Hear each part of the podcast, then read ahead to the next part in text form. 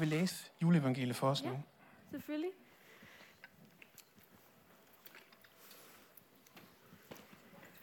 På den tid befalede den romerske kejser Augustus, at der skulle foretages en folketælling i hele kejseriet. Denne folketælling foregik før den, som fandt sted, mens Quirinius var guvernør i Syrien. Alle tog afsted for at lade sig indskrive på listerne i den by, de stammede fra. Og da Josef var konge af Davids slægt, måtte han rejse fra Nazareth i Galilea til Bethlehem i Judæa, Davids fødeby. Han var nødt til at tage sin forlovede Maria med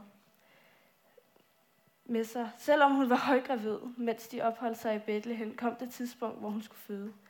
Maria fødte sin søn, den første fødte. Hun svøbte ham i et tæppe og lagde ham i en krybbe i et staldrum, for gæsteværelset var optaget. Samme nat lå nogle hyrder under åben himmel og vogtede får på marken uden for byen. Pludselig stod der en engel foran dem, og hele landskabet lå badet i et strålende lys fra Guds herlighed. Hyrderne blev forskrækket, men englen beroligede dem. Vær ikke bange, sagde han. Jeg er kommet for at fortælle jer om en stor glædelig nyhed, som angår hele folket. I nat er jeres frelser født i Davids by. Det er Messias, og han er jeres herre. Det her skal være et tegn for jer. I vil finde et lille barn, som ligger i en krybbe, indsvøbt i et tæppe. De samme brød himlen ud i jubel. En her af engel, engle lovpriste Gud med følgende sang. Al ære til Gud i himlen og fred på jorden, til dem, der gør Guds vilje. Da englene igen var vendt tilbage til himlen, sagde hyrderne til hinanden, lad os gå ind til Bethlehem og se, hvad der er sket. Det, som Gud har fortalt os om. Så skyndte de sig ind til byen, hvor de fandt det sted, hvor Maria og Josef boede. De fandt barnet, som lå i krybben. Hyrderne fortalte nu, hvad englene havde sagt om barnet, og alle, som hørte deres beretning, var forundrede. Maria tog alle ordene til sig, og tænkte ofte på, hvad der var sket den nat. Hørterne vendte glade tilbage til forne på marken, imens de lovpriste Gud for alt, hvad de havde set og hørt. Det var jo sket, som englen havde sagt.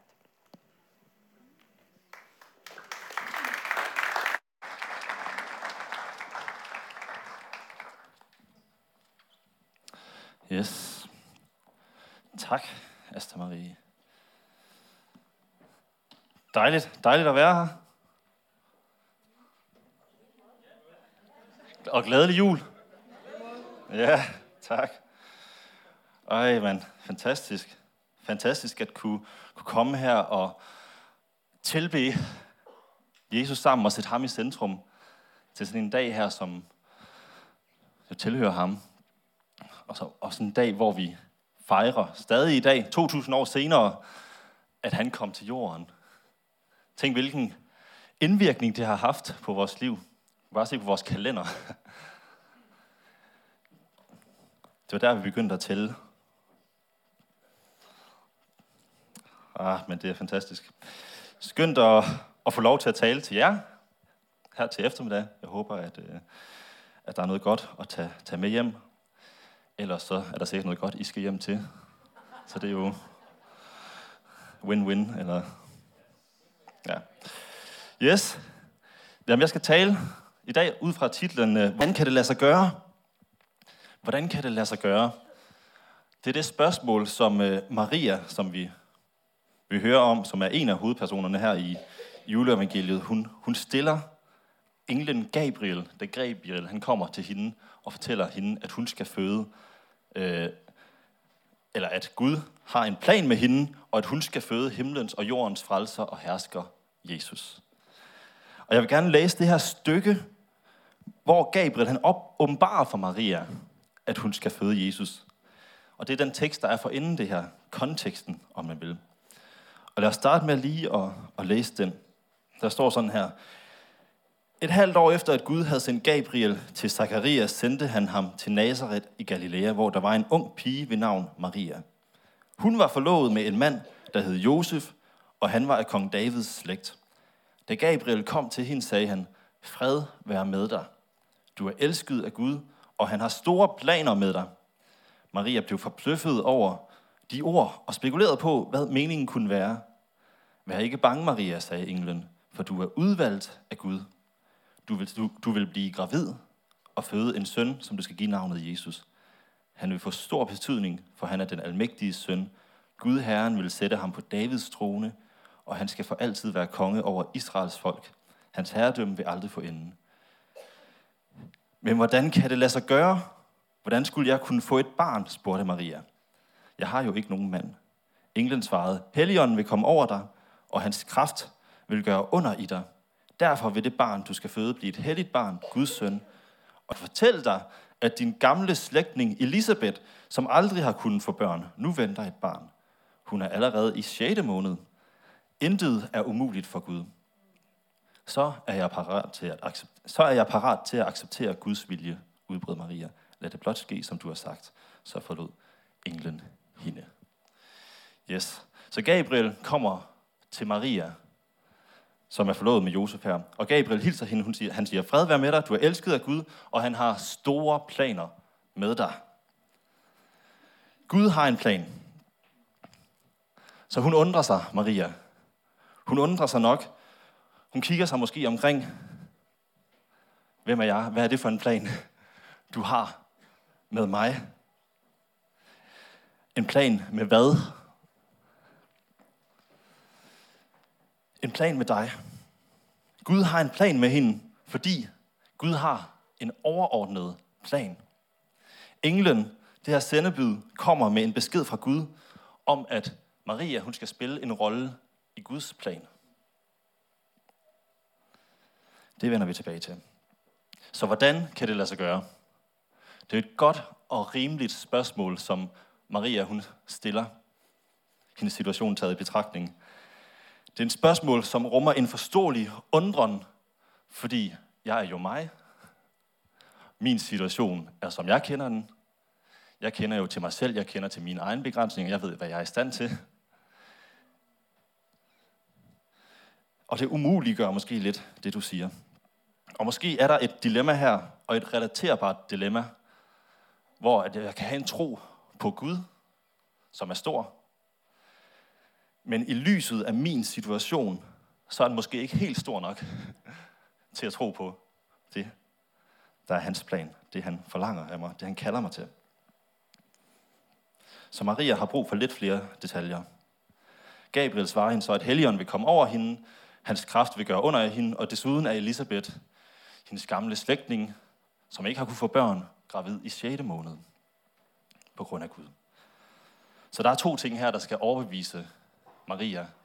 Det ene det er, at Guds vil ind, Gud vil gribe ind i hendes liv, og den anden er, at han allerede har grebet ind i Elisabeths liv.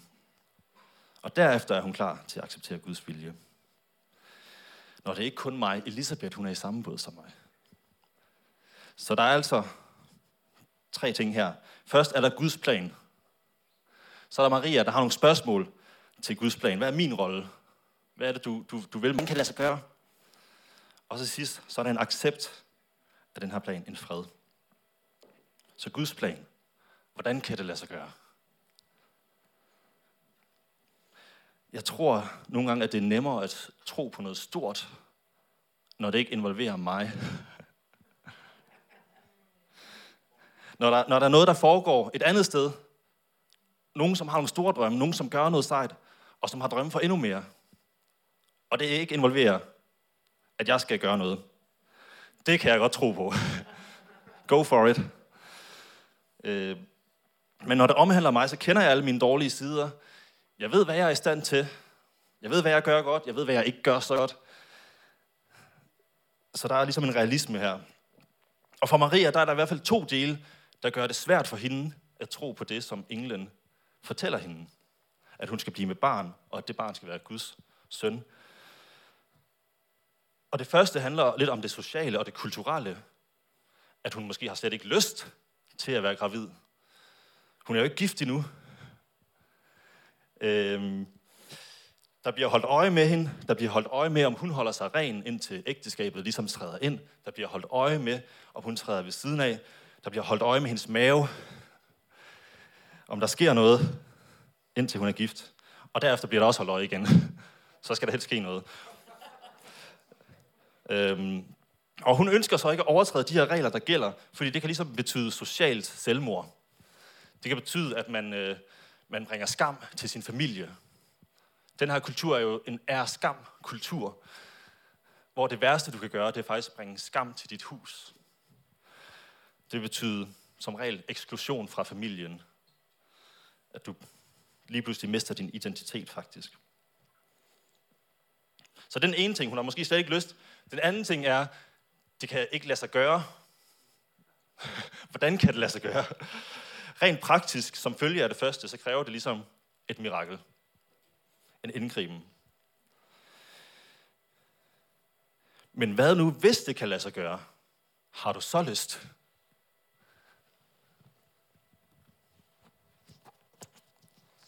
Skal vi lige have det vand her? Op. Er der nogen, der kan? Nej. Skål.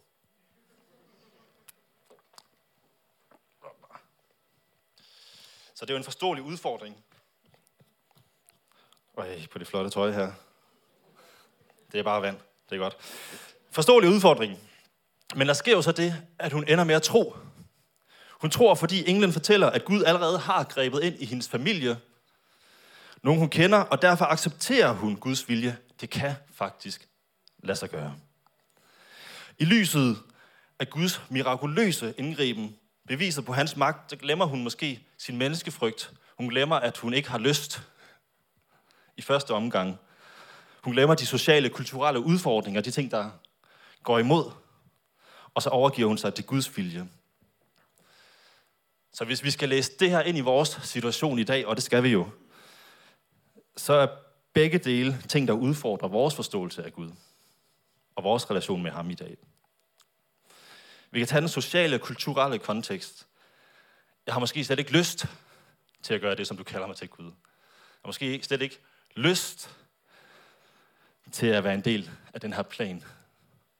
Fordi det kan være svært for mig at tro på, at Gud han taler til mig ud fra den her sekulære, betingede verden, som vi er en del af.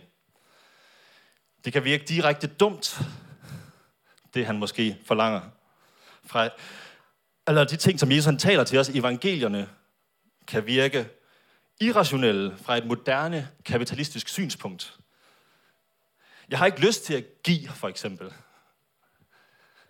Vores syn på at give, det er jo give for at få noget, noget igen.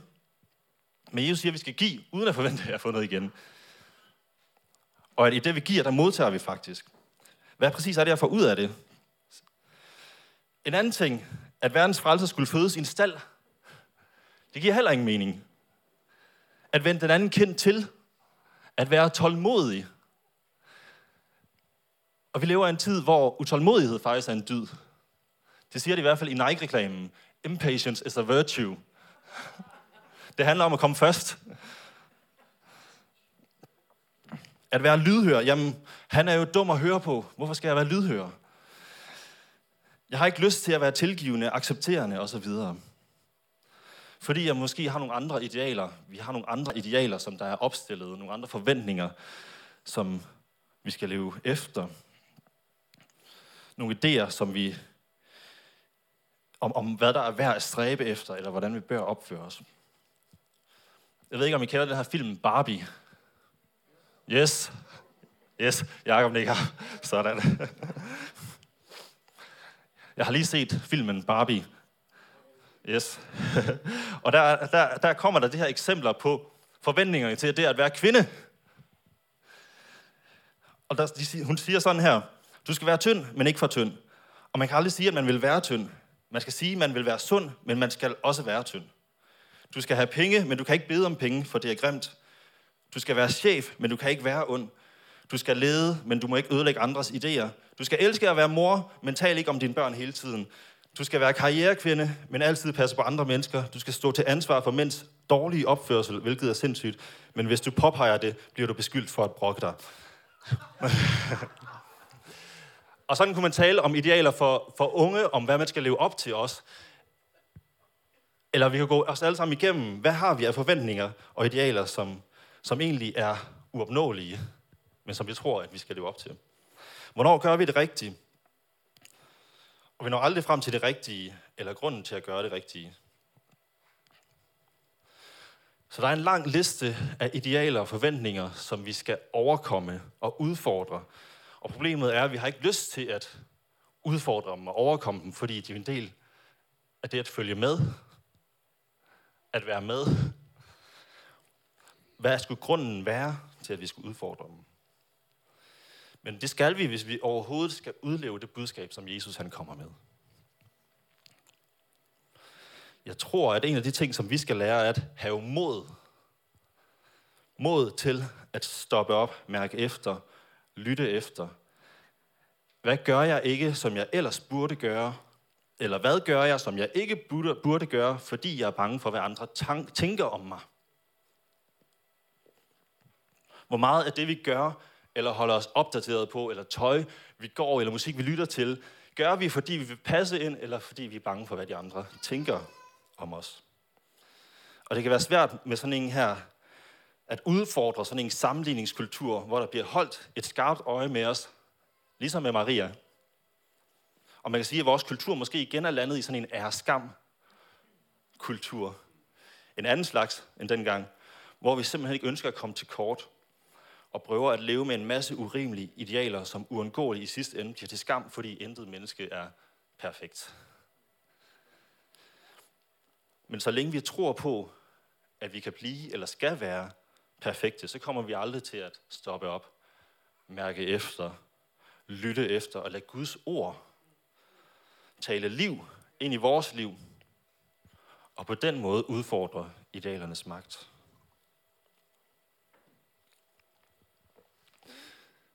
Fordi når man ser på det her fra en social, kulturel kontekst, hvad er prisen så for at stoppe op og gå ud af det hamsterhjul og stille nogle spørgsmål? Det var det samme spørgsmål, som Maria måske tænkte. Hvad er prisen for det her? Og den anden ting, det her med at tro på det, Gud taler til os, det er fordi, det kan simpelthen ikke lade sig gøre. Min situation gør det svært for mig. Jeg er faktisk umuligt for mig at stå i tro for forsoning med et familiemedlem. Vi er simpelthen kommet så langt ud, at der er ikke nogen vej tilbage nu. At jeg kan finde den her indre fred, som vi alle længe så desperat efter, eller 80 procent af os, ifølge rapporten om danskernes åndelige behov. At blive forældre, eller at vinde mandlen, det er altid min storebror, der vinder mandlen. Der er nogle ting, som bare er ude af vores hænder, som er komplet ukontrollerbare, og som kræver mirakuløs indgriben. Eller matchfixing, eller... øhm, at gå fra det her, det kan ikke lade sig gøre, til hvad nu hvis det kan lade sig gøre? Til det kan faktisk lade sig gøre. Jeg tror, der findes en løsning på det her, som handler om at låne tro. At læne sig op af andres tro. At placere sig i et fællesskab af tro. Hvor jeg kan lægge det over til Gud. Hvor jeg kan se nogen, der oplever, at Gud griber ind. Som der deler det gode, som der sker. Elisabeth er blevet gravid. Det kunne ikke lade sig gøre.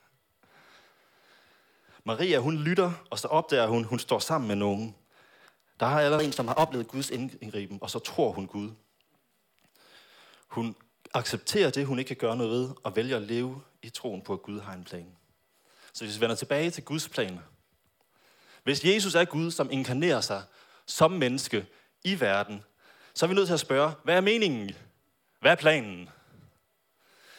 En måde, vi kan besvare det på, er, at vi kan sige, at det handler om hjem. Det handler om, at Gud han skabte et hjem til at starte med, og han skaber et hjem i dag. I begyndelsen af Bibelen, efter skabelsen, så har vi beretningen om Adam og Eva, og Gud, han går på et tidspunkt rundt i haven her, og leder efter Adam og Eva. Han kalder på dem. Og det, der er interessant her, det er, at Gud han går rundt i haven. Han leder efter dem, fordi Gud har skabt et hjem. Ikke til Adam og Eva, men til Gud og Adam og Eva. Han har skabt et fælles hjem sammen med menneskene. I slutningen af Bibelen, hvis vi så lige springer fra starten til slutningen, i Johannes åbenbaringen, ser vi Johannes, der i syner ser de sidste tider. Han ser, hvordan himlen sænker sig ned på jorden, og Gud tager bolig blandt menneskene, og det bliver et fælles hjem. Og imellem de her to ting, der sker der så en masse andre ting også. Blandt andet så bliver Jesus født. Rimelig vigtigt. En afgørende ting. Da han fødes som menneske, så kommer han netop for at forberede hjemmet. Han kommer for at gøre sin faders vilje, at bringe Guds rige på jord og gøre jorden til et hjem for ham. Så man kan sige, at når Gud han griber ind i vores tilværelse, så har det altid i sig et element af hjem. Når vi modtager Helligånden, og han kommer og tager bolig blandt os, så vi kan blive et hjem for ham og skabe et hjem omkring os, så er det fordi, der er en plan om et hjem. Så når Gabriel fortæller Maria, at Gud har en plan med hende, at hun skal føde verdens frelser, så handler det om, at Gud vil forsone sig med verden. Gør den, at hun skal føde verdens frelser, og at Gud vil forsone sig med verden igennem Jesus, så han kan blive til et hjem for ham sammen med os, igennem den her forsoning. Så planen handler om, at Gud vil gøre verden til sit fælles hjem med os. Han elsker os simpelthen så højt, at hans største ønske og hans største længsel er at være sammen med os. Så igennem Jesus, der ser vi det. Ikke fuldstændig i sin fylde, men vi ser det. Delvis, vi kan have fællesskab med Jesus og dermed med Gud. Og der er mange måder, vi kan læse betydning af, at Jesus han bliver født på. Nogle de kalder det for en redningskrans, og andre de kalder det for en kærlighedserklæring. Hans offer er det, der har banet vejen for os, til at frelst os. Hans offer, og det han kom til verden, det er det, som kan give os mod i dag. En anden film, jeg lige har set, det er Harry Potter. De første to Harry Potter-film har jeg lige genset for, jeg ved ikke hvor mange, næsten 20. gang. Øhm, og Harry Potter, han er jo den her dreng, den her dreng, der overlevede Voldemort. Voldemort, som er den her onde troldmand, der bare er rigtig ond og har rigtig meget magt. Øhm, og Harry Potter, han, han overlever, og han bliver kendt som The Boy Who Lived, altså drengen, der overlevede. Øh, ja, ikke så flatterende, det ved jeg ikke. Drengen, der overlevede. Og det, er jo også, det siger noget, fordi den eneste grund til Harry Potter, han er helt særlig, det er, fordi han står oven på nåden fra nogle andre. Han står oven på nåden fra sin mor, hans mors kærlighed, som reddede ham, og som på en eller anden måde styrtede Voldemort ned i afgrunden og gjorde, at han mistede alle sine kræfter. Og hans mors offer, det kostede hende livet, men det reddede hans liv. Der er en eller anden mystisk kraft i den her kærlighed til synlæderne, som besejrer det onde, det mørke. Og det bliver den drivende fortælling om Harry Potter. Det bliver den drivende fortælling om den her ufortjente kærlighed. Og på en eller anden måde, så er vi alle sammen Harry Potter. Der er en ufortjent kærlighed, der driver os frem, og som kan give os mod i dag. Og Jesus, han kommer ikke som en underkurende Voldemort, der vil magten over alt, alt andet, men Jesus han vælger at give afkald på sin guddomsskikkelse. Han lader sig føde ind i en stald af alle steder. Han lever og bor som menneske med et for øje, at gøre sin fars vilje, at redde verden gennem et afgørende offer på korset. Og kærlighedens erklæring består i, at han på korset ikke udpeger vores synder, men han tager dem. Og han bliver som synd, står der. Han bliver som synd så meget, at hans far må se væk fra ham. Så hele den her fortælling fra han bliver født, fra bebudelsen til han bliver født, til korset, og han står op igen, det er en lang kærlighedserklæring, der har Guds plan for øje. Frelse fællesskab med ham hjem. Så Guds plan er at skabe et hjem. Og Maria, hun udbryder til sidst, så er jeg parat til at acceptere Guds vilje. Lad det blot ske, som du har sagt. Hun vælger at overgive sit liv. Og det der første, som hun var bange for, det er hun ikke bange for længere. Fordi det kan lade sig gøre. Marias opgave bliver så at skabe et hjem for verdens frelser. Det bliver at give ham gode rammer for sin opvækst, at elske og beskytte ham, at sørge for, at han bliver oplært en jødiske lærer, og alle de her ting som alle de andre børn. Og hun er en del af Guds store plan på den måde. Og i den her stald, som har været beskidt, som nok har lugtet en del, som har været fyldt med hø og dyr og andre ting, bliver der den her julenat skabt et hjem, hvor det, der ikke fylder, er julemaden, gaverne. Gaverne, de kommer fra senere. Det er i januar, de vise mænd kommer forbi. Men en taknemmelighed over, at Gud har sendt sin enborgne søn til verden over et lille barn i en krybbe. Det er glæden over at være der sammen med en vidsthed om, at Gud han ser til sit folk. Og han ser os i dag, og det giver mod. Så vi nærmer os en slutning her. Så skal vi hjem og fejre jul, ikke? Mit ønske for os her til eftermiddag og her til aften, er, at vi kan gå sammen hver til sit, til vores forskellige hjem, med øje for at skabe et hjem. Et hjem, der sætter Jesusbarnet i midten, som det, der binder os sammen. Både med hinanden, med vores himmelske skaber, som vil os så meget, at han kom til jorden i Jesus. Mit ønske er så også, at vi så løfter øjnene fra vores små hjem, og ser ud mod vores verden, ud mod vores venner, vores arbejde, vores lokalmiljø og spørger, hvordan kan jeg være med til at gøre den her verden til et hjem? Og ikke bare et sted, ikke bare noget, jeg engang imellem besøger, ikke bare netto.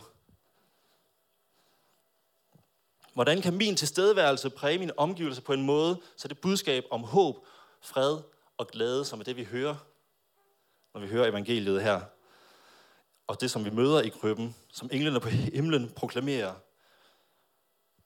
hvordan kan det blive udbredt igennem os til verden omkring os? Jesus betyder håb for os alle. Igennem ham kan vi blive en del af det hjem. Et hjem, der inviterer til fællesskab, der inviterer til fred, der kommer med fred. Men det starter også med, at vi så gør vores hjerte til et hjem for ham. Der står, at Jesus han står for hjertedøren og banker. Og grunden til, at han banker, det er, fordi der ikke er et håndtag på hans side. Der er kun et håndtag på vores side. Og det skal vi tage fat i og invitere ham ind. Så han kan tage bolig der. Så kan vi alle sammen være nogen, der bliver til åbne og velkomne hjem for dem omkring os, og på den måde være med til at gøre verden til noget, der ligner et hjem, og ikke bare et besøgssted. Musikerne må forresten godt komme op.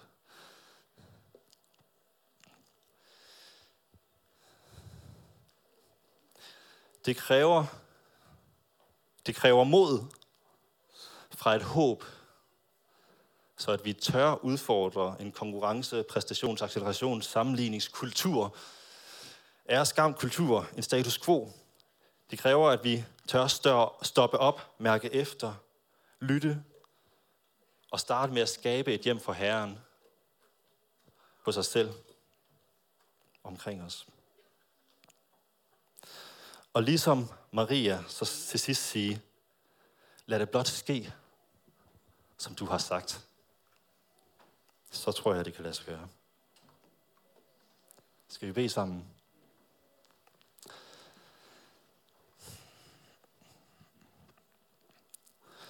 Tak, Jesus, at du kommer til bolig midt i blandt os her. Tak for den ufortjente kærlighed, som,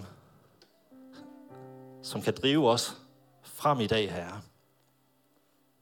Som kan gøre, at vi kan stå imod det, som er svært, det, som er mørkt. Hjælp os til at være nogen, der skaber hjem der, hvor vi går her. Og her så ønsker jeg bare, på vegne af dem, der sidder her i dag, på vegne af os alle sammen, at invitere dig. Invitere dig til at gøre vores hjerter til et hjem for dig her. Til et sted, hvor du huserer. Så der, hvor vi går, der går du også her. Tak for dit håb, som taler liv i dag. I Jesu navn. Amén.